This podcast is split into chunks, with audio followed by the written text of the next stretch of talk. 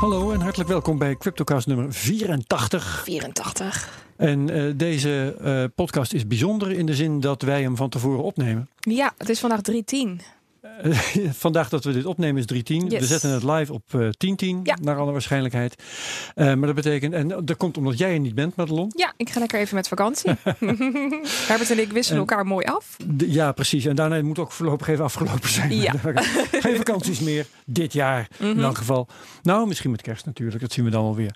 maar ehm, oké, dus dat betekent dat bepaalde rubrieken er niet eh, zijn. Bijvoorbeeld, we gaan het niet hebben over de koersen. Want net als twee weken geleden, toen we glorieus de koersval misten rondom de datum van het live gaan van Bakt. Ja, fantastisch. Waarschijnlijk gaan er nu ook weer vreselijke Ja, we dingen hebben er gebeuren. maanden naar die we dan uitgekeken. mislopen.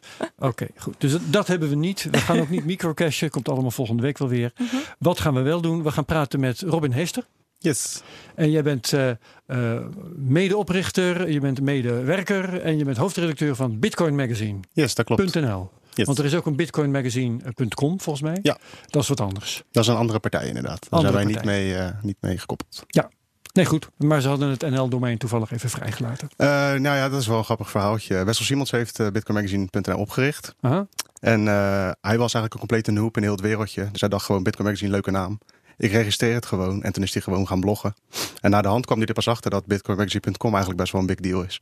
Dat dat gewoon al bestond. Ja. Oeps, foutje. En Maar- is dat goed voor jullie dat je dezelfde naam hebt als een big deal? Eh, soms. Kijk, het kan eh, positief uitwerken. Maar ik, ik benadruk wel altijd dat het gewoon... We zijn niet met elkaar verbonden. Nee. We hebben wel dezelfde naam eh, voor Want de dat kan ook nadelig zijn. Ja, zeker. Dat Want mensen denken dat je die grote jongens bent. nou heeft Bitcoin Magazine wel een goede naam, dus dat scheelt. Dat is waar, ja. Nou, oké, goed. Dus met jou gaan we eh, uitgebreid praten dit uur. Yes. Over waarom je doet wat je doet en zo. Ehm, we gaan eerst nieuws aan elkaar vertellen. Mhm. Ehm, maar dan ook weer ietsje voorzichtiger dan we het anders doen. En Robin begint? Robin begint. Yes, ik, nou, bij deze. Eh, Venezuela die is druk bezig met eh, aan het kijken naar hoe ze met cryptocurrency aan de slag kunnen gaan. Het is daar natuurlijk eh, op het gebied heren, die van stomme Petro. ja, de petro Ja. gedekt door de olie hebben ze uitgegeven Onzin eerder. allemaal. Ja, mee eens. Ja. Maar eh, het toont wel aan dat ze ermee bezig zijn. Want ze hebben daar zelf natuurlijk last van een gigantische recessie, gigantische inflatie. Ja. Daar een compleet soortje eh, op, op dit moment.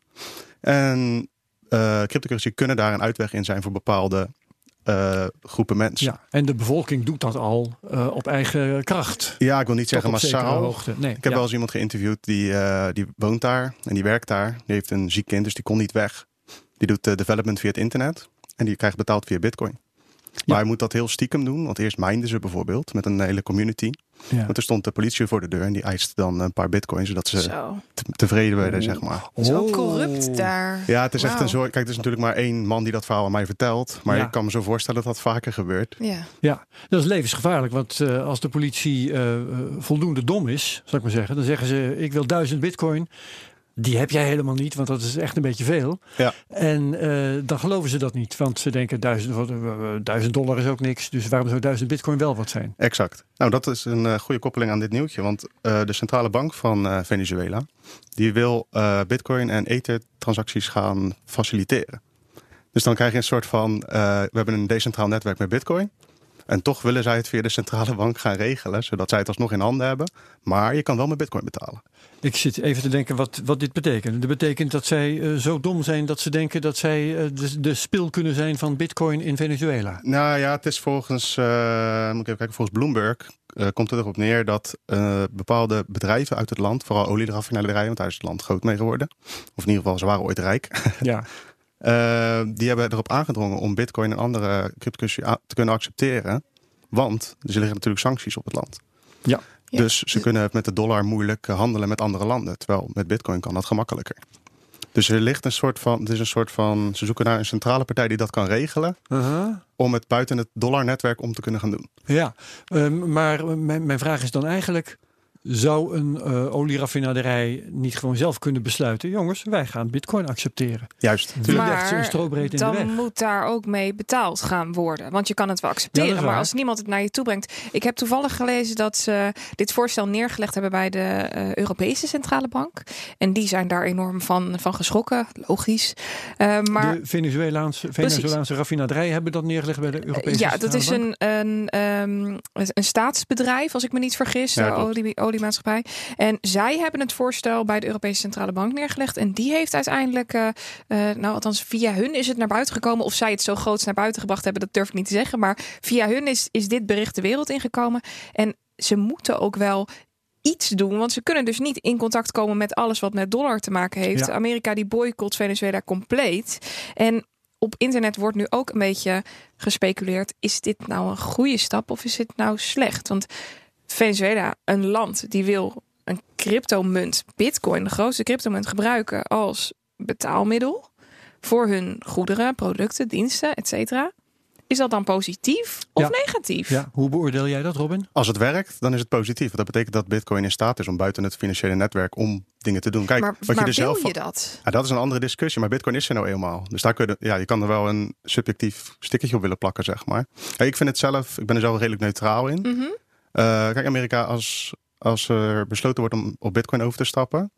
En dan heeft Amerika weinig te zeggen. Die, ze kunnen dat gewoon doen als land. Tenzij Ja. ze met, eh, eh, met het leger aan de slag gaan. Maar goed, dat is een, eh, Ja, misschien een stap te ver. Maar tegelijkertijd is het natuurlijk wel in de geschiedenis gebleken dat eh, Amerika goed zijn best doet om hun do- dollar ehm, overheersing goed te ver- verdedigen. Ja. In ieder geval moeten er dan ook klanten zijn die bereid zijn in bitcoin te betalen. Ja, maar de- kijk, dat is, een, eh, dat is de volgende stap natuurlijk. Ja, je kan me voorstellen dat als je als Venezolaans bedrijf gewoon laat zien van joh, het is goedkoper. We hoeven minder met banken aan de slag.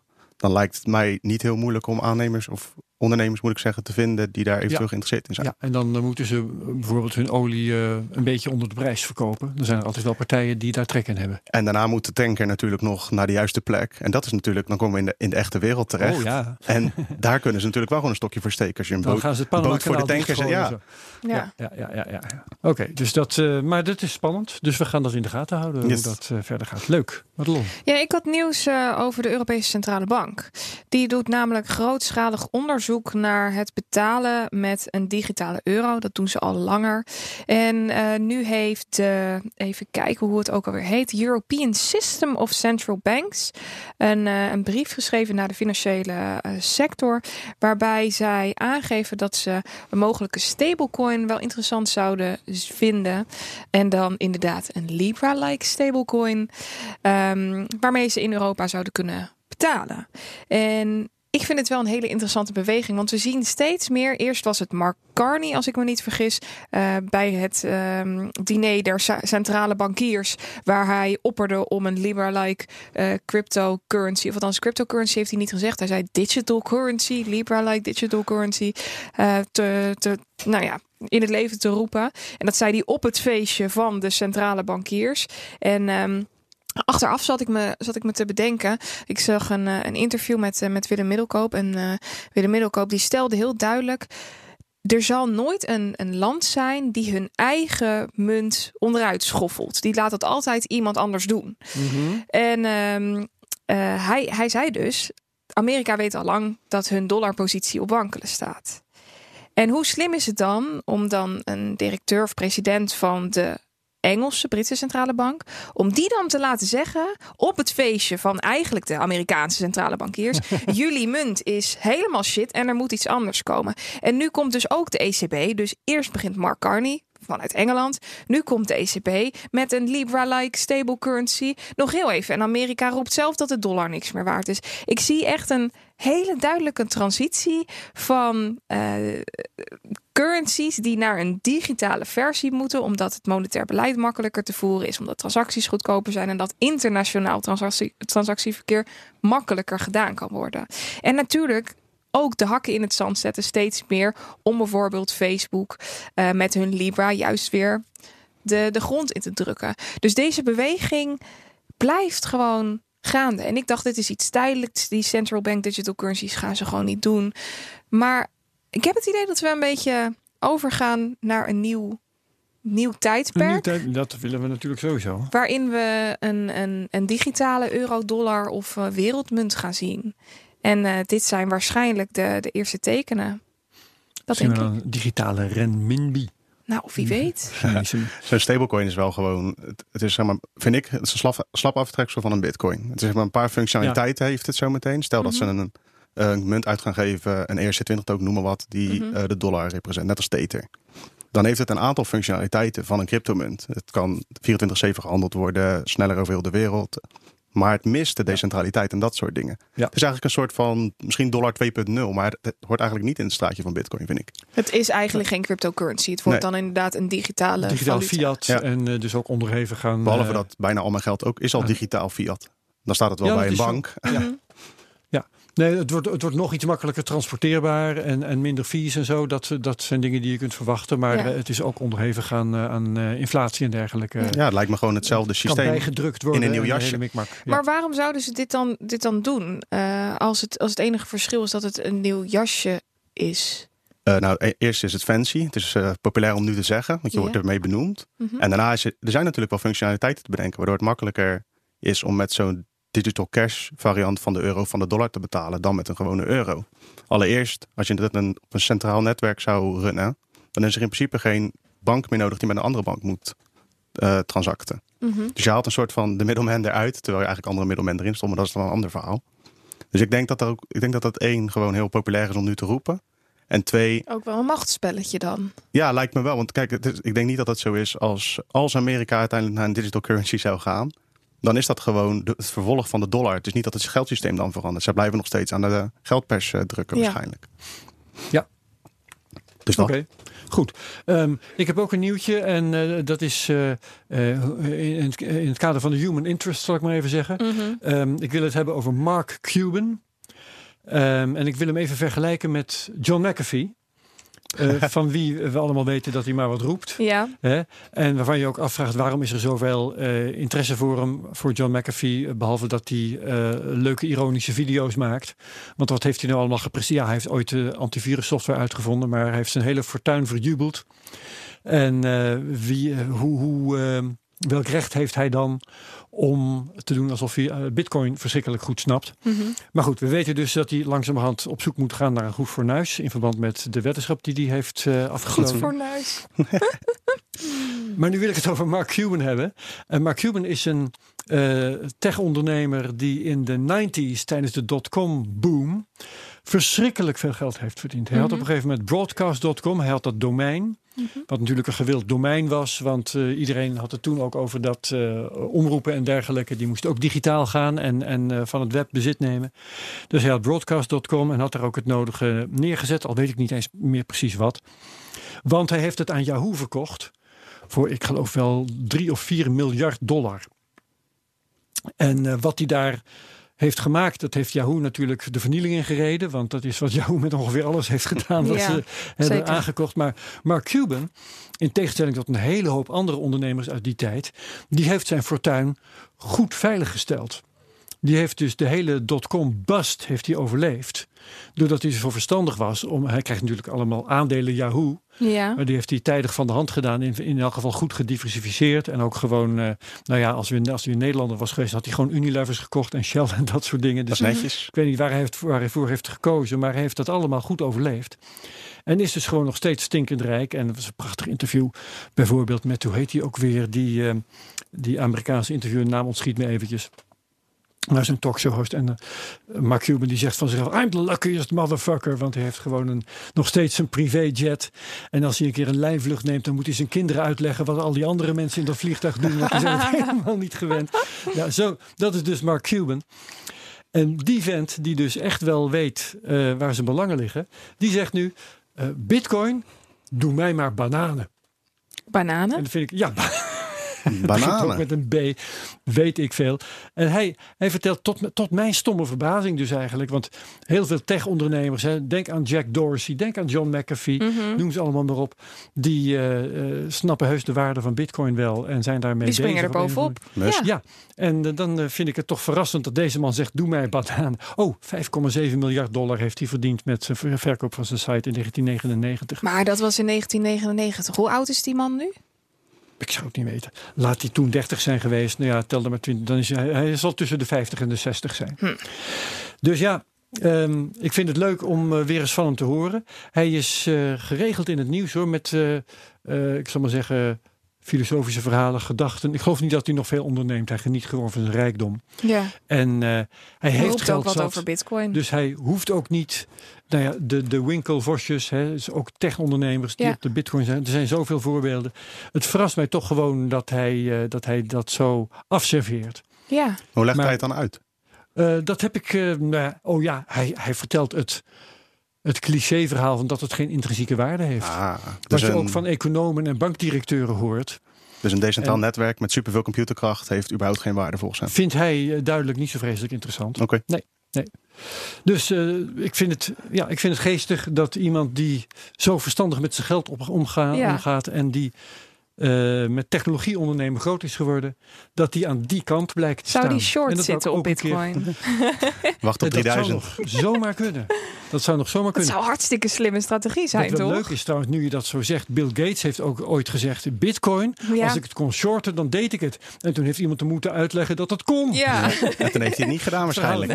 niet, het verhaal vermeldt niet inderdaad of hij dat werkelijk gedaan heeft. Oké, Mark Cuban onthoudt die naam. Misschien dat we nog eens op hem terugkomen. Ehm, even kijken, we gaan het eh, niet hebben over de koersen. We gaan het niet hebben over microcash. Dus Nee. we gaan gewoon met eh, Robin praten nu. Maar wel over Ja. mij. yes. Ja, precies. Vertel eens hoe jij, eh, hoe jij crypto hebt ontdekt. Eh 2015 ongeveer was ik op eh, Reddit. Gewoon, weet ik veel, naar kattenfilmpjes Mooie aan het kijken of weet ik veel wat. Ja, tijd die kansen bood. En eh, toen was er een, een banner eh, van een paint getekende tovenaar met de tekst Magic Internet Money of zoiets. Dus ik klik daarop en toen kwam ik op de Bitcoin Reddit. En eh, toen dacht ik, hey, interessant. Eh, geld zonder banken, dat was eigenlijk mijn ding wat ik heel interessant vond. Ja.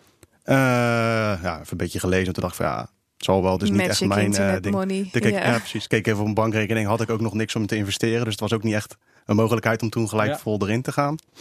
Toen ben ik eh, ja, een tijdje niks meer van gehoord. Toen ja, kwam ik het random weer tegen op YouTube of zo. Gewoon iemand die daarover aan het ranten was. En toen heb ik in 2016 ergens... Positief of negatief aan het ranten. Eh, dat weet ik niet eens meer. Oké. Sorry, maar wat is renten? Eh, Tekeer gaan. tekeer Oh, gaan. oké. Sorry, een beetje eh, internettaal misschien. Ik begrijp die dingen, Madelon. Ja, De millennial in mij en Herbert die... eh, de millennial in mij. Ja. Maar eh, ja, en toen heb ik in 2016, ik weet niet precies de datum of de prijs, heb ik eh, Bitcoin gekocht. En daarna ben ik een partij shit zooi gaan kopen van Ripple Altcoins. tot weet ik het allemaal. Heel goed. Ja. Eh, want Ripple gaat winnen, want de banken ze winnen altijd dat. Mhm. Ja. Eh, achteraf had ik die Ripple vast moeten houden, zeg maar, qua winstbejag. Want eh er was echt nog niks waard. Gewoon echt 0,0001 dollar of zoiets. XRP moeten we eigenlijk zeggen voordat de twitteraars hier straks over gaan Oh inderdaad. Je vallen. hebt, je hebt Ja. gelijk. Want Ja. Dat is ook een dingetje even tussendoor. Als ik daar wat over negatiefs over schrijf, dan willen ze hem nog wel eens op Twitter eh firen of eh, aanvallen. Maar goed, Ja. Dat terzijde. Ja. Eh, ja, toen ben ik overgegaan tot aankoop van Bitcoin en andere altcoins. Eh, nu ben ik zover dat ik eigenlijk alleen maar Bitcoin heb. Mhm. Eh, niet omdat ik de rest niet interessant vind en dat het allemaal niks kan, kan zijn. Maar ik wil graag eerst leren wat Bitcoin is. Gewoon tot, het, tot de kern. Ben je daar nog niet achter dan? Ik begrijp de basis gewoon zeg maar op, eh, vanaf bovenaf. Van joh, Ja. het is decentraal, de nodes en de miners en de gebruikers hebben allemaal een eigen rol. Ja. Eh, maar waarom is dat dan? Welke protocollen gelden er op het netwerk? Eh, welke regeltjes worden er gebruikt om bepaalde hashjes op te lossen? Weet ik het allemaal. Dat ik ben geen technicus, maar dat is voor mij nu de volgende stap waar ik nu mee bezig ben. Gewoon een beetje eh, de diepte in. Dus het is dan echt op de technologie gefocust en niet zozeer om ehm, meer de eh, economical behavior, zeg maar. Waarom kopen mensen bitcoin? Dat nog niet zozeer. Eh, ja, ik vind juist het monetaire systeem super interessant van Bitcoin, omdat ik het begrijp. Ja. Ik had altijd eh, op de HAVO afgemaakt, eh, dat ik management en organisatie. Balansjes maken kon ik super goed. Weet je, want dan komt uiteindelijk allemaal op nul uit. Weet je, dat moet gelijk zijn. Ja. Dat is bij Bitcoin het geval. Je hebt een- straks 21 miljoen Bitcoin ooit. That's it. Ja. Het is duidelijk hoeveel, Zero hoeveel sum. er vrijkomt en weet ik het allemaal. Dat is allemaal duidelijk. Als ik dan eh, bij economie zat, dan was het eh, ja, en dan betalen we rente over geld dat is uitgeleend. Maar dat geld wordt gewoon ergens random gemaakt. En daar eh, kopen we weer staatsobligaties van, die nu overigens negatief zijn. Even een zijdingetje. Eh, ik snap daar gewoon, zeg maar in mijn hoofd, het klopt niet. Ik snap al wat ze zeggen, Ja. maar het, voor mij klopt het. Het is geen 1 plus 1, laat ik het zo zeggen. Ja. En Bitcoin is voor mij gewoon dat klikt. Dus die economie begrijp ik. Ja, dus dus- ja, ik hoop precies. dat de rest van de wereld dat ook gaat begrijpen, zodat ik Ja. dat gewoon lekker kan blijven doen. De- van- je bedoelt eh, volgens mij eh, te zeggen eh, dat Bitcoin, de Bitcoin-economie functioneert, dat snap je. Dat Ja. de geldeconomie functioneert, dat snap je niet. Ik snap dat het functioneert, want er, is gewoon, er wordt constant pleisters geplakt. Gewoon op alle wonden. En het, Vertrouwen. voorlopig gaat Ja. het goed. Ja. Maar je voelt, het borrelt gewoon een beetje aan alles. Iedereen heeft dat wel een beetje Ja. het onderbuikgevoel van, oh, er- klopt ergens dat iets goed niet. gaat. Ja. Ja. Ja, ja, ja. ja. Oké. Ehm, wat vind jij als het om, om Bitcoin gaat, om crypto gaat, de interessante ontwikkelingen van het moment? Eh, nou, ik kijk vooral zelf dus naar bijvoorbeeld het Lightning Network. De tweede laag bovenop Bitcoin om snellere transacties te doen. En dan vooral op Ja. het gebied van daar weer toepassingen op.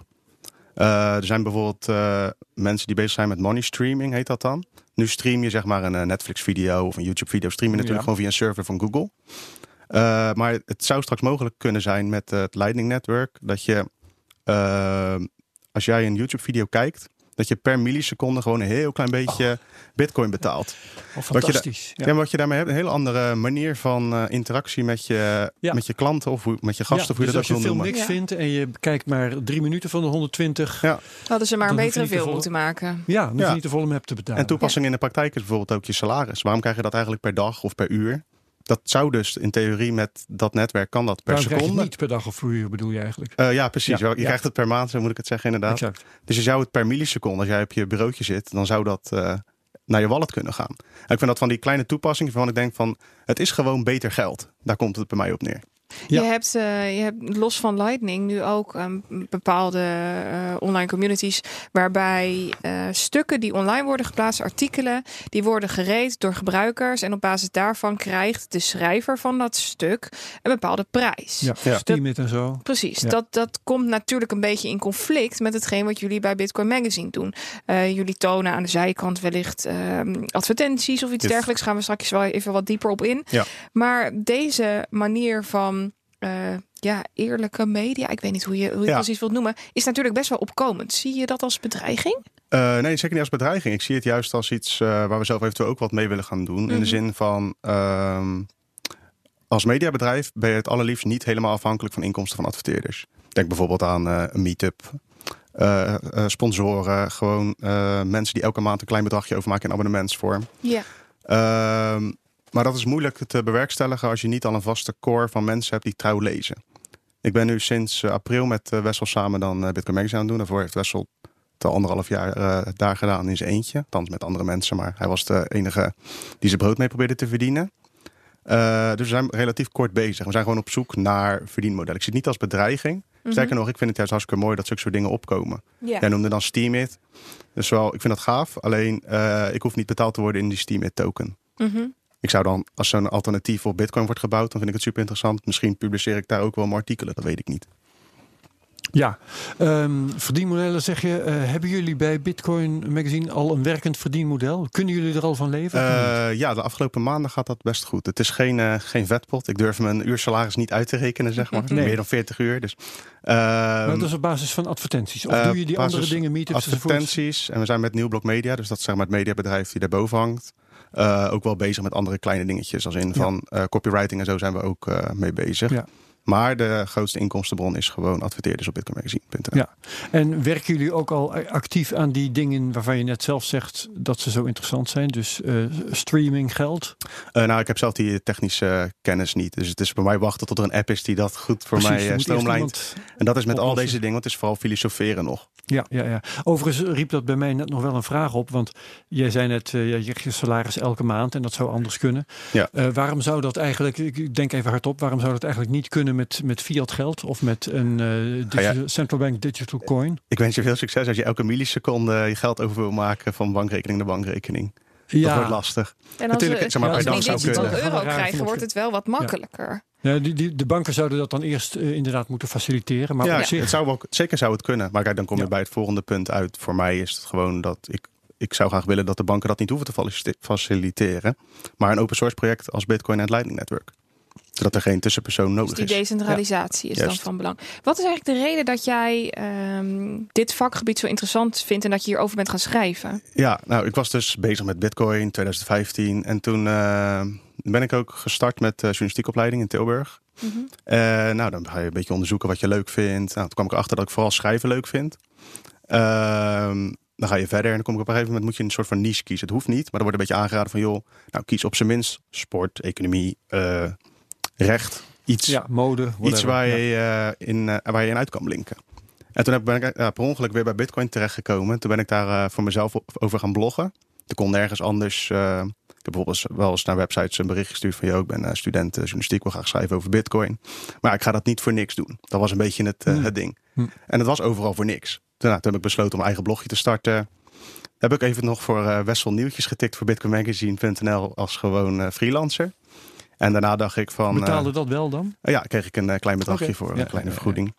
Eh, ja, bezig geweest met blijven bloggen. En het, op een gegeven moment heeft het me zo gegrepen dat ik eigenlijk gewoon constant mee bezig ben. Ook als ik niet werk. En dan wel op een ander niveau, want dan ben ik gewoon low-key een podcast aan het luisteren of een boekje aan het lezen. En eh, ja, ik vind het een super mooie combo, want ik kan nu voor, voor mijn werk in mijn vrije tijd eh, me erin verdiepen. En tijdens mijn werkuren of tijdens mijn werk zoals hier kan ik er dan over praten en over uitweiden. Voor mij is het de perfecte combo op dit moment.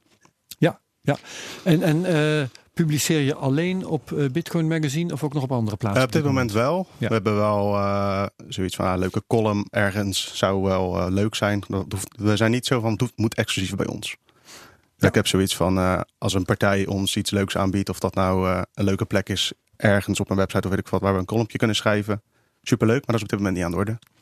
Hoeveel mensen komen er eigenlijk per maand op jullie, eh, op jullie website? Eh, we hebben van de zomer eigenlijk sinds uh, Wessel en ik echt de, de, de krachten hebben gebundeld, zeg maar, zien we een hele stijgende lijn. Eh, op de top Ondanks dat we in een bearmarkt zitten. Ja, we hadden op de na bearmarkt. Afgelopen zomer was Ja. best wel. Eh, meer, qua Ja, nieuws was het best wel. Vooral door de prijs was er best wel animo. Oké. Maar eh, we zitten elke maand eh, sinds april wel boven de 100.000 unieke bezoekers. En de piek is 160.000 uniek Nederlands sprekende Oké. bezoekers. Per Dat is maand. mooi. Per maand, ja. Ja, dat is wel fors. Want als ik bijvoorbeeld kijk naar de video's op de Telegraaf, eh, die hebben wel eens eh, 40.000 views gehad, eh, nou een, een jaar geleden.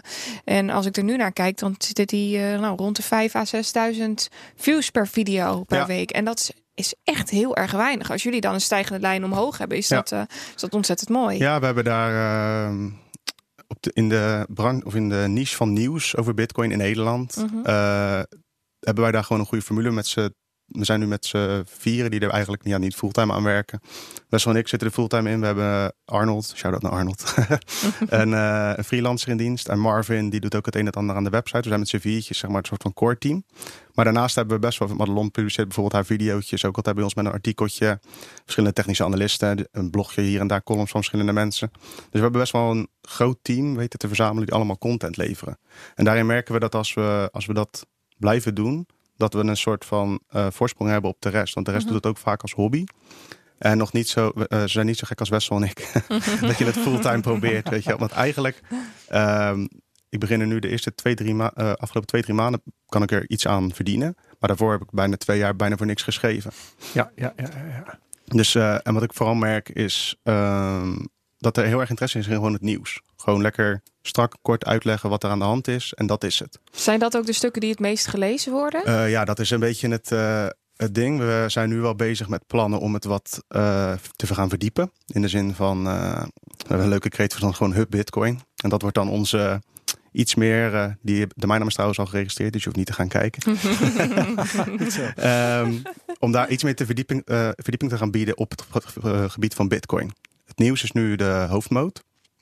En daar wordt inderdaad het meest naar gevraagd. Maar we willen onszelf ook gaan ontwikkelen op dat gebied.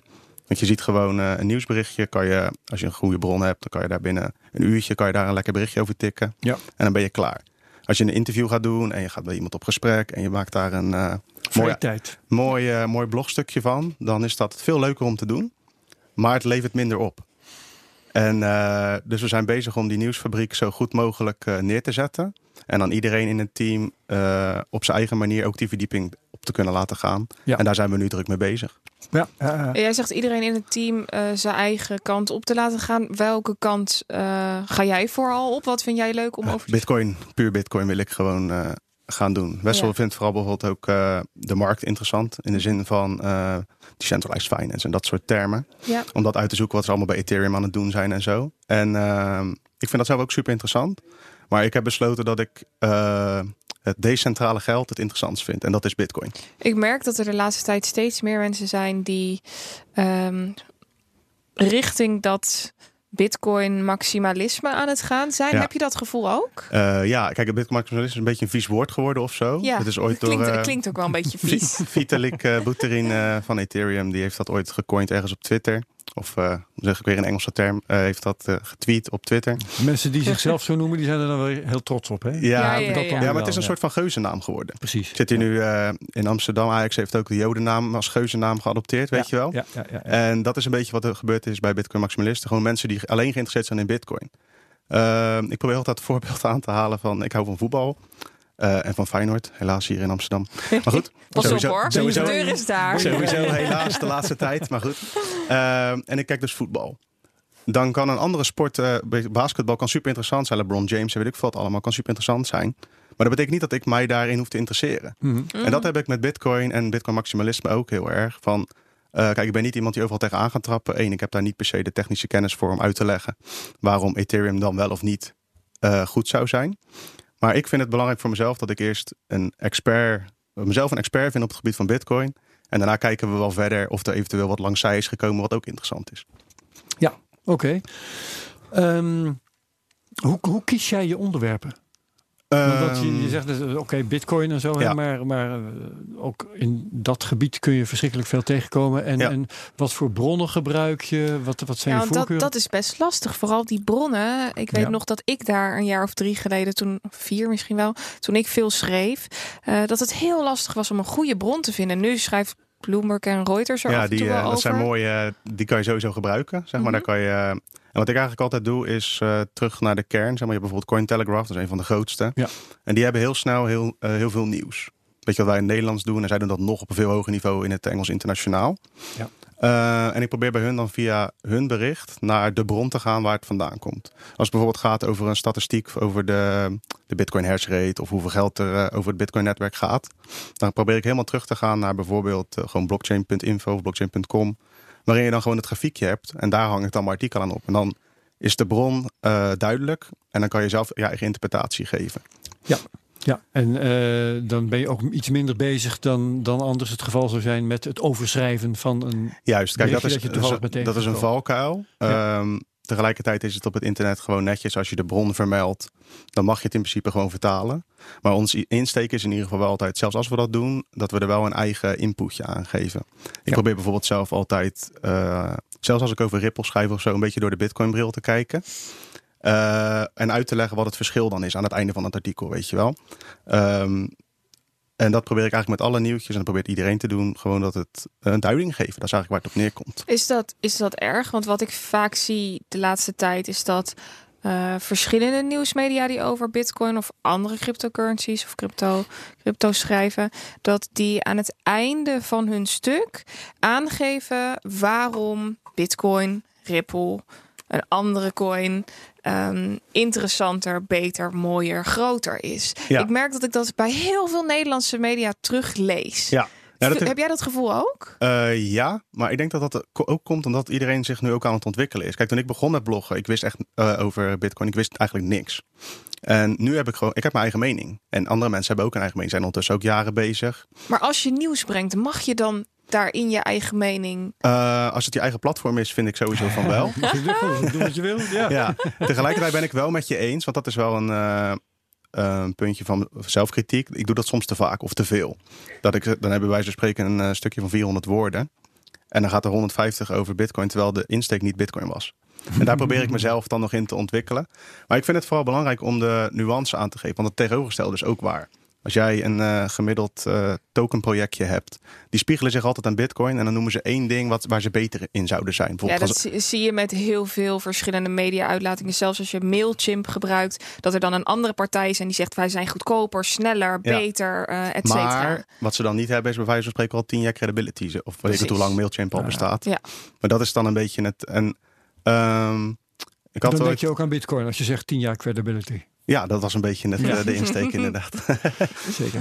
Nee, maar ik, ik, ik vind het belangrijk als uh, journalist dat je... Um, ik heb ooit een quote gelezen, was in het Engels, dus mag ik doen met het Nederlands. Dat je het, uh, de gordijnen open doet en het regent buiten. Dan moet je dat kunnen zeggen. Punt. Dus als jij eh, iets vindt en iets ziet, dan moet je dat kunnen vertellen. Ja. Ook als het in een nieuwsbericht is. Ik ben het wel. ehm, het is wel moeilijk om dan aan te geven dat het dan een mening wordt, zeg Mhm. maar.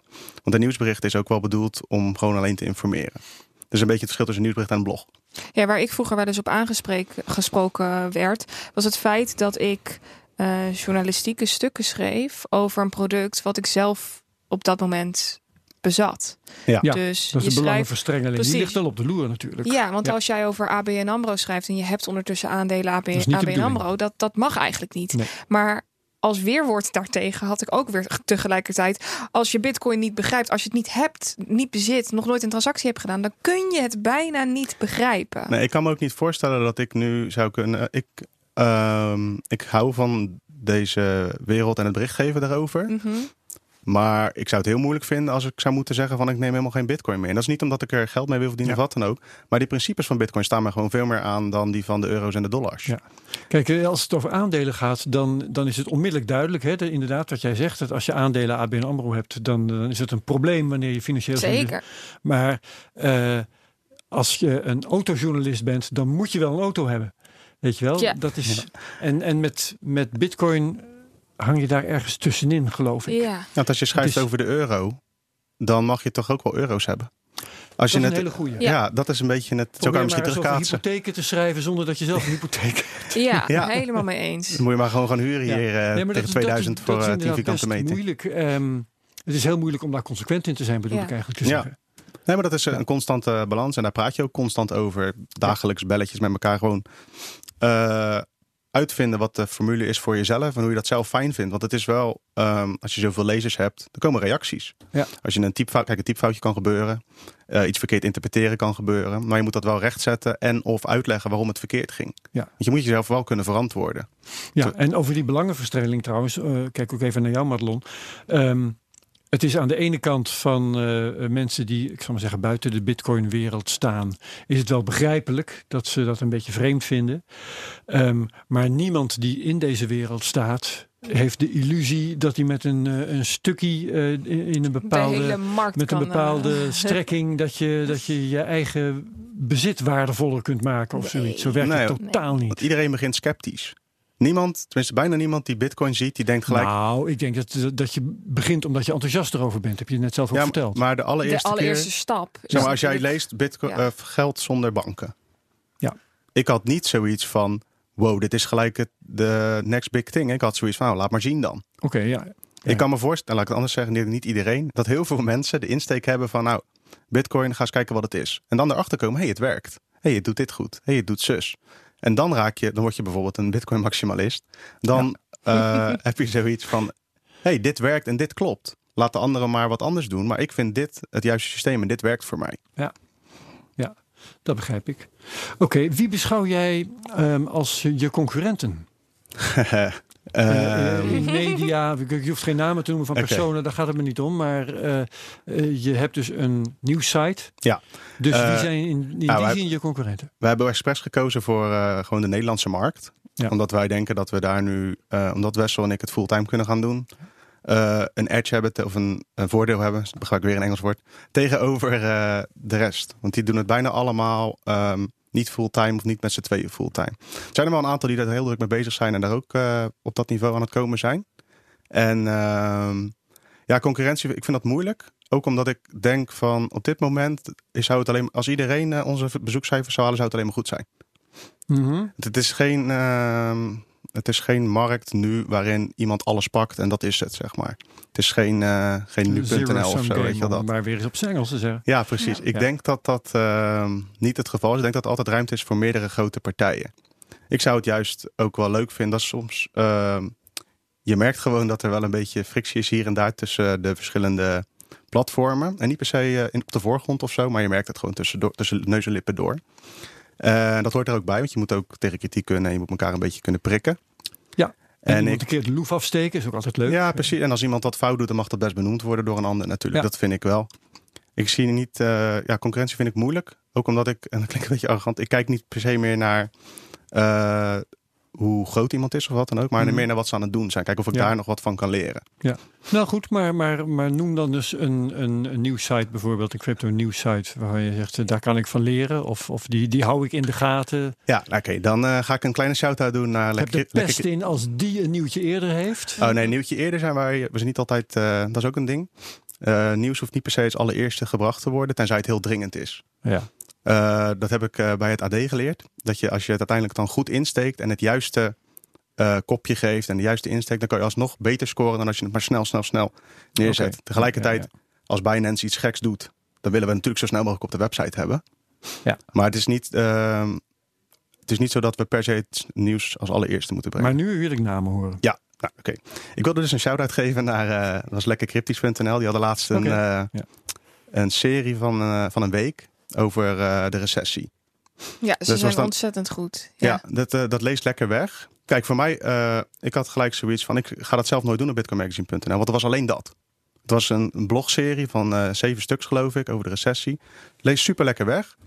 Eh, maar dat is niet wat wij willen doen. Wij willen gewoon elke dag het nieuws brengen. Dat je, zodat je, je gaat naar bitcoinmagazine.nl om eh, acht uur s avonds. En dan kan je even scrollen. En dan weet je het. En, maar ik vond het super gaaf ingestoken. En ook duidelijk in de markt gezet. Van joh, eh, dit gaan wij nu eh, presenteren. Hier komt een serie aan over de recessie die er eventueel aankomt. Mhm. Dus ja, dat is een, eh, een concurrent die ik dan benoemd heb. Nee, leuk. En nog even terug naar de afgelopen ontwikkelingen. Je kijkt dus heel erg veel naar ehm, eh, Bitcoin voornamelijk. Zijn er ook andere dingen waar je veel op let? Nog los van dat eh, micro-caching of hoe je het maar noemde. Je bedoelt money streaming. En money streaming. Money dat streaming, is ja. zo van mij. Ja, ja, ik oh, vind het- sorry. ik vind het ook vooral interessant wat er gebeurt op plekken waar het eh, minder goed gaat. Zeg maar op het gebied van bitcoin en andere crypto's. Mhm. Eh, want we noemden net al Venezue- Venezuela, maar je hebt bijvoorbeeld ook in Hongkong waar het nu helemaal uit, eh, uit de hand loopt. En daar zagen we bij Local Bitcoins afgelopen week een, eh, een record aantal volume. Het was maar tussen haakjes eh 13 miljoen in dollar. Maar dat, is, eh, dat was een nieuw record in Hongkong Mhm. qua volume op, die, eh, op die website. In eh, Hongkong dollar. Ja, en dat betekent dus niet dat alle mensen uit Hongkong nu ineens massaal naar Bitcoin gaan. Maar er zijn mensen die zoiets hebben van: oké, ik kies eigen voor mijn geld. Ik zet in ieder geval één teen of één voet of, één, of een heel been buiten het financiële systeem waar ik me in bevind. Mhm. Ja. En op die manier kun je dan ehm, ook protesteren. Want dat is wat daar gebeurt. Iedereen is daar de straat op aan het gaan tegen, moet ik het goed zeggen, een regel om eh, uitlevering aan China mogelijk te maken. Dat is wat het is. Mhm. En daar zijn ze, een hele grote groeperingen zijn het daar niet mee eens. Zo is het begonnen, ja. Ja. Wat, wat daar vooral interessant is, vind ik, is dat die eh, vrijheids... eh, pro- hoe dat? Protesteerders, protestanten, Eh, demonstranten. demonstranten, dat laten we die ja, gebruiken. zoiets, ja. Eh, die moeten ook uitkijken met waar ze hun geld halen. De, de pinautomaten en zo staan ook allemaal camera's op. Oh ja. En de autoriteiten, die houden dat gewoon in de gaten. En als jij daaraan gekoppeld wordt, dan ben je gewoon de sjaak als je niet uitkijkt. Waarom zouden ze dat in de gaten houden? Omdat eh, de politie van de Chinese politie en de andere machten, die zijn daar gewoon eh, aan het kijken wie daar geld op haalt. En als, jij, als jouw naam op de checklist staat van oh, dat is mogelijk een gevaarlijk iemand voor ons regime, Ah. dan kunnen er vervelende dingen gebeuren. Dat is een beetje een ding. En eh, Bitcoin lost dat niet op. Maar bijvoorbeeld via local Bitcoin kun je dan onderling gewoon Bitcoin ruilen. Of Bitcoin verkopen en kopen. En dan heb je niet te maken met een geldautomaat waar de camera op staat. Ja. En dat zijn allemaal van die kleine toepassingjes waarvan ik denk van eh, het werkt. En als ik dan eh, in onze westerse mooie wereld kijk, dan denk ik van ehm, bij ons is het een soort van eh, proteststem tegen het systeem. Maar tegelijkertijd hebben we het hier natuurlijk gewoon wel lekker. Met het grootste gedeelte van de inwoners van het land. En daar is het Ja. andersom. Daar heeft een heel klein gedeelte het heel lekker. En de rest heeft het heel, heel naar. Of in Mhm. ieder geval niet heel fijn. En daar denk ik dat Bitcoin een, ehm, een oplossing voor kan zijn op bepaalde gebieden. Een ander verhaaltje. Ga maar. Nee, zeg maar. Oh. Sorry. Ja. Eh, ik heb ooit iemand gesproken uit India. En die kwam uit een eh, lagere klasse daar. En die mocht, kon geen creditcard krijgen. In India heb je verschillende klasses. En als je Ja, helemaal onderaan zit, mag je alleen maar Ja, eh, ja, schoonmaken. Ik weet eh, de exacte, voor mij is het wel iets eh, minder dan eh, vroeger. Maar het is Mhm. nog steeds eh, wel aan de gang. En het kwam erop neer dat hij vertelde mij dat eh, rijkere mensen daar een creditcard kunnen aanschaffen. En daarmee eh, dingen in het buitenland kunnen kopen. Heel simpel. Eh, hij kon dat niet. Met zijn bankrekening kan hij niet in het buitenland iets kopen. En wat wil het nou? In India is, is- zei hij dat bijna alles duurder was. Omdat het gewoon lokaal en dan weten ze dat de arme kasten het wel moeten kopen. Hm. Met Bitcoin kan hij dus over de grens dingen bestellen en gewoon die uh, extra procenten die daar lokaal gevraagd worden uh, weghalen. En dat zijn allemaal van die kleine toepassingjes. Dat vind, ik vind dat super interessant. Gewoon Bitcoin in de praktijk. Dat is eigenlijk Ja. wat het is. Ja, maar ja, wel ja. bij de landen waar het eh, economisch wat slechter gaat. Ja. En dat is ook waar, waar we zien dat bijvoorbeeld Libra heel erg nu op doelt. Want met Libra zou je natuurlijk ook over de grens producten kunnen kopen. En ik zie jou al lachen. Empowering. Eh, hoe, hoe kijk je daar dan tegenaan? Ja, ik denk gelijk, eh, Libra eh, is al, het is al bekend dat Libra niet eh, beschikbaar wordt in China en India bijvoorbeeld. Mhm. Nou, Frankrijk, Duitsland. Wat ik net noemde, van dat, eh, dat voorbeeld van creditcard dat je niet mag aanvragen. Zo'n ding kan ook bij Libra gebeuren. Als Facebook zegt van nou, jij mag niet op mijn platform, dan mag je niet op, op dat platform. Hoe, eh, hoe ze het ook presenteren, dat gaat gewoon, dat is hoe het gaat zijn. Ja, er is een KYC nodig, dus ze moeten weten wie de klant is achter die, eh, Ja. die wallet. Kijk, als ik PayPal was, dan zou ik me wel druk maken voor- om Libra. Maar als ik Bitcoiner ben, dan maak ik me daar niet druk om. Dat is een beetje het ding. En als je een ander Wikileaks bent, dan eh, heb je weinig te, eh, te verwachten van Libra. Ja, want die wordt gewoon geblokkeerd als je donaties Ja. wil vragen. Oh, net, als, ja. net als PayPal bijvoorbeeld. Ja. Ja. Dus ik, Nee, helder. Ja, ik vind Libra wel interessant in de zin van hoe de politiek er nu op reageert. En ik vind het eigenlijk ook een, eh, een soort van hele grote waarschuwing voor alle eh, ICO-projecten die ooit denken het monetaire systeem te willen veranderen. Want dan krijg je dus te maken met het vuur waar Mark Zuckerberg nu mee te maken heeft. En dat zijn geen eh, kleine jongens die daar allemaal klaarstaan om een paar klappen te geven, zeg maar. Ja, ja, en dan heeft Bitcoin het voordeel, eh, dat hoor ik tenminste uit jouw verhaal, dat het niet eh, een bedrijf is dat iets probeert te bereiken, maar meer een natuurkracht. Eh, ja, er is. ja, Satoshi die heeft het in elkaar gedraaid. En daarna de vrije wereld there. ingelaten. Je kan er volgens mij niet zo heel veel mee doen. Je kan het wel moeilijk maken. Door Mhm. bijvoorbeeld regeltjes toe te passen van, zoals in Nederland straks komt, dat exchanges meer gegevens moeten delen. Zeker. Kijk, dat is allemaal heel vervelend. Maar dat kilt het project niet. Dat maakt het niet Nee. monddood. Ja, en dat eh, het nieuwsitem wat ik vorige week besprak, eh, waarbij er onderzoek gedaan was door die, eh, door die Duitse bank.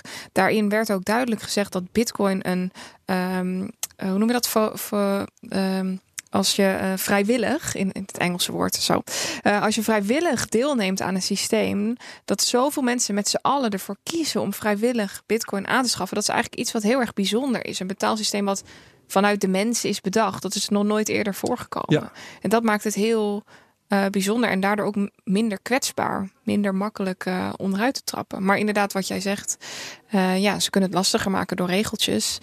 Ehm, maar ver- het verbieden is heel moeilijk. Ja, verbieden. Er zijn ook allerlei drugs verboden. En eh, die zijn er ook nog steeds makkelijk te krijgen als je Ook een beetje je best doet. Ja, En ik denk dat dat met digitaal, wat Bitcoin is, nog veel moeilijker is dan een, eh, ja, whatever, voor, wat je voor plezier wil nemen. Ja. En als je kijkt naar de toekomst, zijn er dingen waar je eh, nu naar uitkijkt? Eh, voor mezelf of op Bitcoin gebied? Ja, of op Bitcoin gebied voor jezelf of voor, voor, voor Bitcoin Magazine? Eh, ja, Bitcoin Magazine vind ik het gewoon super gaaf dat we nu dus in staat zijn om met z'n tweeën met een team daaromheen fulltime aan de slag te gaan. Mhm. En vanuit daar willen we gewoon verder bouwen. We zijn ook bezig met een, we hebben een kleinere podcast, heet Bitcoin Journaals. Gewoon binnen een half uur even het korte nieuws. Eh, en we zijn ook bezig met dus het Eh, dagelijks, wekelijks, Eh, één keer per week. één keer per week. Gewoon eh, via alle podcastkanalen. Ja. Eh, en we zijn daarnaast dus bezig met een soort van diepere podcast waarin we dus een gast hebben. Waarin we eh, diep ingaan op een onderwerp van Bitcoin. Eh, ja, daar haal ik het nu even bij, want we zijn nog bezig met eh, het uitvogelen hoe we precies willen doen. En daarnaast zijn we ja, druk aan het kijken wat we nog meer willen doen dan alleen het nieuws. En daarin eh, zijn we allemaal eh, druk bezig om te kijken wat we dan zelf interessant vinden en in welk format we dat dan willen gieten. Want wat ik net ook zei, van het nieuws wordt, scoort het best. Als ik eh, zeg van nou, ik ga een week lang ga ik, eh, op reis en ga met bitcoin betalen, ik zeg maar wat. Dan eh, schrijf je daar een mooi artikel over. En dan ben je, daar, ben je een week weg. En het levert dit op. Het allerliefst zou ik dat heel, heel mijn leven alleen maar dat doen. Maar daar moet bitcoin eerst een paar, eh, paar keer nog watjes gaan maken. over de kop Ja. gaan. Ja, waarom? Want, want, want eh, Bitcoin Magazine is een nieuwssite. Ja. Eh, waarom is er een uitgever opgericht om daar boven te gaan hangen? Eh, nou, Wessel heeft dus bitcoinmagazine.nl opgericht. En we zeiden van, nou, we gaan, willen dus samen gaan werken. Hoe gaan we dat doen? Toen hadden we, hebben we dus besloten om er een apart bedrijf boven te hangen. Ja. Een mediabedrijf dat ook andere dingen kan gaan doen. Als er zometeen iets anders op ons pad komt, dan willen we graag meer producten dan alleen bitcoinmagazine.nl. Ja. Dat is een beetje het idee erachter. Als, als Bitcoin ooit of bitcoinmagazine.nl ooit een soort van af is, wat ik niet geloof, maar goed, dan kan het zijn dat je als bedrijf gewoon wat anders wil doen daarnaast. En weet je eigenlijk wie je lezers zijn? Doen jullie daar onderzoek naar op een of andere manier? ja, we zijn, we zijn toevallig bezig gewoon met een enquêtetje. Hebben we nog niet eh, uitgestuurd, maar dat, dat borrelt wel. En eh, ja, via Google Analytics, die gasten weten alles. dus je kan daar een hele hoop zien. En het is ehm, eh, alle doelgroep, alle leeftijden zijn bekend. Zeg maar zijn represented. Hoe ziet dat zijn. Vertegenwoordigd, ja. Ja, hoe ziet dat eruit, die, die grootte per doelgroep? Eh, ja, ik weet niet precies uit mijn hoofd. Eh, de grootste is eh 25 tot 35. Dus zeg maar, hoe oud ik zelf? Ik ben 26. Mijn doelgroep, of mijn leeftijd is ongeveer onze core doelgroep. Ja. En gek genoeg zitten de 18 tot en met 25 staat helemaal onderaan. Dus die staat nog boven, of onder de 65-plussers zelfs. Dus op de Ja. een of andere manier spreken we een bepaalde eh oudere doelgroep aan dan de allerjongste. Wat ook wel logisch is, want die zitten misschien toch ook meer ook op YouTube en zo. Misschien Ja. is het bij Ja, jou dat anders, is, maar dat is grappig. Ik zet ondertussen net mijn data Ja. op YouTube te bekijken. Ik heb tussen de 13 en de 17 nul kijkers. Maar eh, de 25 en de 34 is eh, bijna 30% En de 35 en de 44 is het grootste met 35% Ja. En daarna komt eh 45, eh, 54 en dan 55, 64. Dus ook best wel veel eh, wat oudere mensen kijken eh, op YouTube. Ja. Dus dat is wel grappig. Maar Het is een overal... beetje hetzelfde ook. eh, dan. Ja. Dus ja. ja. interessant. Overigens, toen, toen Marlon net vroeg, eh, wat, wat verwacht je van de toekomst? Toen heb je die vraag beantwoord voor Bitcoin Magazine. Maar nog niet voor jezelf en Yes. niet voor Bitcoin. Ja. Dus dat wil ik ook nog Ja, horen. het is wel eh, een leuk verhaaltje. Want eh ja, Wessel en ik waren dus eerst concurrenten. We hadden blogjes. Ja. Allebei. Eh, Ja. Toen benaderde Wessel mij om best wel een groot verhaal samen te gaan maken. Een journalistiek verhaal. Dat ging over eh, een oplichting bij bepaalde token sale. Echt om miljoenen. Die eh, betaald werden en de tokens zijn nooit geleverd. Toen zijn we dus met eh, verschillende bronnen aan de slag gegaan. gewoon afgesproken, dat, dat verhaal. En toen had ik zoiets. toen zei ik tegen Wessel: Ja, Wessel, we moeten gewoon samen gaan werken. We moeten alles op één hoop gooien. En dan moeten we zulke soort dingen gaan maken. Kijk, en daar zijn we nog niet aan toegekomen. Maar dat is wel een, een doel om meer echt journalistieke verhalen te schrijven. Want er is zoveel te halen in deze wereld. Journalistiek bedoel Ja, nou vooral bijvoorbeeld met al die token sale. Ook in Nederland zijn er partijen Ja. geweest die hebben miljoenen opgehaald. Laten ze het in hun token staan dat niks meer waard is nu. Dat zijn allemaal verhalen waar, ik, waar je graag induikt. Maar daar moet je echt de tijd voor nemen. Daar moet je minstens een maand gewoon voor gaan zitten en fulltime Ja. op knallen. En dan moet je een dusdanig verdienmodel hebben voor wat je verder doet. Ja, dat je die dat gelegenheid- permitteren. Moeten we, willen, willen we onszelf gaan verschaffen door eh Bitcoin Magazine uit te breiden met dit soort andere dingetjes. Zoals een freelancer en andere eh, maatregelen om dat voor elkaar te krijgen. Maar dat is eh, een droom in de toekomst om dat voor elkaar te krijgen. Dat mensen dat kunnen gaan doen bij ons. Hoef ik niet eens zelf te zijn. Als iemand anders dat zou willen doen tegen een bepaald bedrag, dat zou fantastisch zijn. En wat verwacht je voor Bitcoin? Juist. Eh, ja, ik doe niet echt aan prijsvoorspellingen. ik heb dat Hoeft een ook beetje. niet. Nee, precies. En wat ik voor Bitcoin gewoon verwacht, eh, is dat er rond de halving gaat weer gekke huis worden. Dan ehm, Bedoel je dan Komt ook eh, met name de stock-to-flow ratio? ja, die of? en gewoon ook eh, het nieuws eromheen. Want miners gaan eh, kijken of ze nog wel aanblijven, ja of nee. Want de, de beloning gaat door de helft. Nou, dan moet je berekenen of je elektriciteit nog wel voldoende is tegenover de prijs, et cetera. Dus er komt daar gewoon een roerige tijd aan. Mhm. En ik denk dat dat super interessant is, want dit is ja, dus elk, waarschijnlijk elke halving, laten we het hopen, elke keer de groot, het grootste evenement voor een grotere, steeds grotere groep bitcoiners. Ja. Er zijn mensen die, eh, ik heb vier jaar, heb ik niet bewust mee, ik heb het wel gelezen en gedaan, een beetje gekeken, maar ik heb dat niet echt eh, vanaf de binnenkant meegemaakt. Mhm. En dat gaat nu voor het eerst voor mij ook zo zijn. En ik denk dat dat allemaal van die dingetjes zijn waaruit mensen eh, heel veel kunnen gaan halen voor in de toekomst. Dat ze weten van oh, een halvening, nou er gebeurt dit en dit, maar het is niet het einde van Bitcoin. Want dat lees je wel eens toch van die dead spirals, als de, dat de mining het iedereen niet meer op zou kunnen. Ja, precies. Bitcoin Maar- gaat naar nul. Als je Ja. letterlijk elke, elke halvening kijkt, dan zie je de hashrate alleen maar eh, uiteindelijk alleen maar stijgen. Ja. Dus er is geen datapunt om te suggereren dat dat anders is deze keer. Ik moet wel zeggen, iedere keer als het over de halving gaat, dan krijg ik weer een beetje steeds meer kriebels in mijn buik. Dat ik denk, oeh, het wordt wel heel spannend. Het wordt wel weer een van de spannendste Ja, punten in bijna de oud en nieuw of zo. Van, eh, ja, Eén keer in de vier Ja. jaar oud en nieuw. Ja. Dat is een Maar ik, eh, ik vind het altijd wel leuk om waarschuwende woorden te spreken. Want Ja, ehm, zeker. hoeveel van die halvings hebben we nu gehad? Nou, drie. Ja, nee, het, is- maar het is wel? zeker... Dus waar baseer je het eigenlijk? Dat niet, zeg ik niet tegen jou persoonlijk, Nee. maar in het algemeen. Er is een verschil ook, vind ik, tussen de Bitcoin-prijs en de Bitcoin-netwerk. Eh, kijk, je kan er verschillende verbanden leggen misschien. Maar het- kijk, als Ik Bitcoin... zeg trouwens drie, de derde komt eraan. Hè? Ja. Het is- wordt de derde pas. Ja, precies. Ehm, als je, ehm, moet ik het goed zeggen, als de prijs naar 1000 nu zou gaan, Naar duizend. Naar, dus Naar- omlaag naar de duizend. du- naar ja? 1000 eh, dollar, Ja. dan is het netwerk nog steeds het netwerk. En die Mhm. gaat daar dan op reageren. Dus een soort van zijn eigenlijk twee losse componenten. Ze hebben wel belang bij elkaar, want het netwerk zorgt ervoor dat Bitcoin wat waard is. Omdat Bitcoin wat waard is, wordt het netwerk meer waard. Dus een soort van eh, Ja. samenspel. Maar ik denk dat het, eh, wat de prijs doet, is niet per se afhankelijk van wat het netwerk doet, gek genoeg. Want het netwerk is nu sterker dan ooit. En we staan niet op een all-time high. Dus- ja, dat hebben we vaker geconcludeerd. En Ja. ook het nieuws. Ehm, als er veel nieuws is, dan kan het best eh, hartstikke positief zijn, maar doet het niks met de koers. Ja. En omgekeerd, als het heel negatief nieuws is, kan het ook niks doen met de koers. Dus dat, dat staat relatief los van elkaar nog. Ja, dat is dus niet zo, vind ik, dat je eh, ervan uit moet gaan dat Bitcoin stijgt. moet je eigenlijk nooit doen. En zeker niet ook na een halvening. Alleen wat er op het netwerk gebeurt, is dat er gewoon minder nieuwe Bitcoin beschikbaar worden. Dus op het, e- in het ecosysteem van Bitcoin, zonder dollar-euro-prijs mee te rekenen, gaat er gewoon het een en ander veranderen. Ja, fundamenteel verandert er iets. En voornamelijk voor de miners. Ja, en hoe we dan eh, als markt daarop reageren, dat zien we wel. Dat is Ja. eh, aan de En wat- technische wat- analisten en zo. Verwacht jij voor de verdere toekomst, eh, wordt het een betaalmiddel? Wordt het een digitaal goud? Eh, Wat, ja, digitaal goud vind ik sowieso is een makkelijke term om uit te leggen, want dat het schaars is. Mhm. Maar voor de rest heeft het natuurlijk eigenlijk niet zoveel met goud te maken. Nee. Eh, in de zin van, eh, we hebben nu een bepaald aanbod aan goud.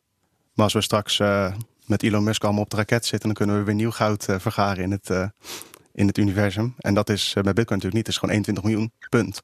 Mhm. Dus ik, ik, eh, ik zie het al als betaalmiddel, want ik heb het al gebruikt als betaalmiddel. Tegelijkertijd is het nog niet, en of dat ooit komt, dat weet ik niet zo goed, zover dat je er je koffie mee gaat betalen. De vraag is ook, als je dan digitaal goud aanhaalt, wil je met goud koffie betalen? Ja, ja, Dus ja, met, ja. met iets wat je Nou ja. in de toekomst meer waarde toe of toe-eigent. Vergelijkingen gaan altijd mank. Hè? Ja, het precies. kan natuurlijk heel goed zijn dat dit een vorm van digitaal goud is die zich ontzettend goed leent voor het doen van kleine betalingen. Ja, want de technieken zijn er. precies. Kijk, eh, maar dat moet nog gebouwd worden. Kijk, dat is ook nee, het, eh, Lightning Network hebben we het vorige week over gehad toevallig. Ja, Het, eh, nee, het, doet, het werkt al wel. Zeker, alleen er zitten wel limieten aan. Je kan er een x aantal, eh, ik weet niet precies hoeveel, er zit een limiet aan je kanaal, hoeveel je hebt, je noden. Je mag niet een unlimited hoeveel, je mag niet in één keer duizend bitcoin een node openen, dat gaat niet. Er zitten Nee. regels aan. Ja. Dus je kan er bij spreken geen auto mee kopen, zeg maar wat. nee, dat is juist, Tot voor, juist voor de kleine Ja. Voor de, voor de veiligheid. Maar dat betekent dus dat er eh, nog steeds limieten op zitten. Ja.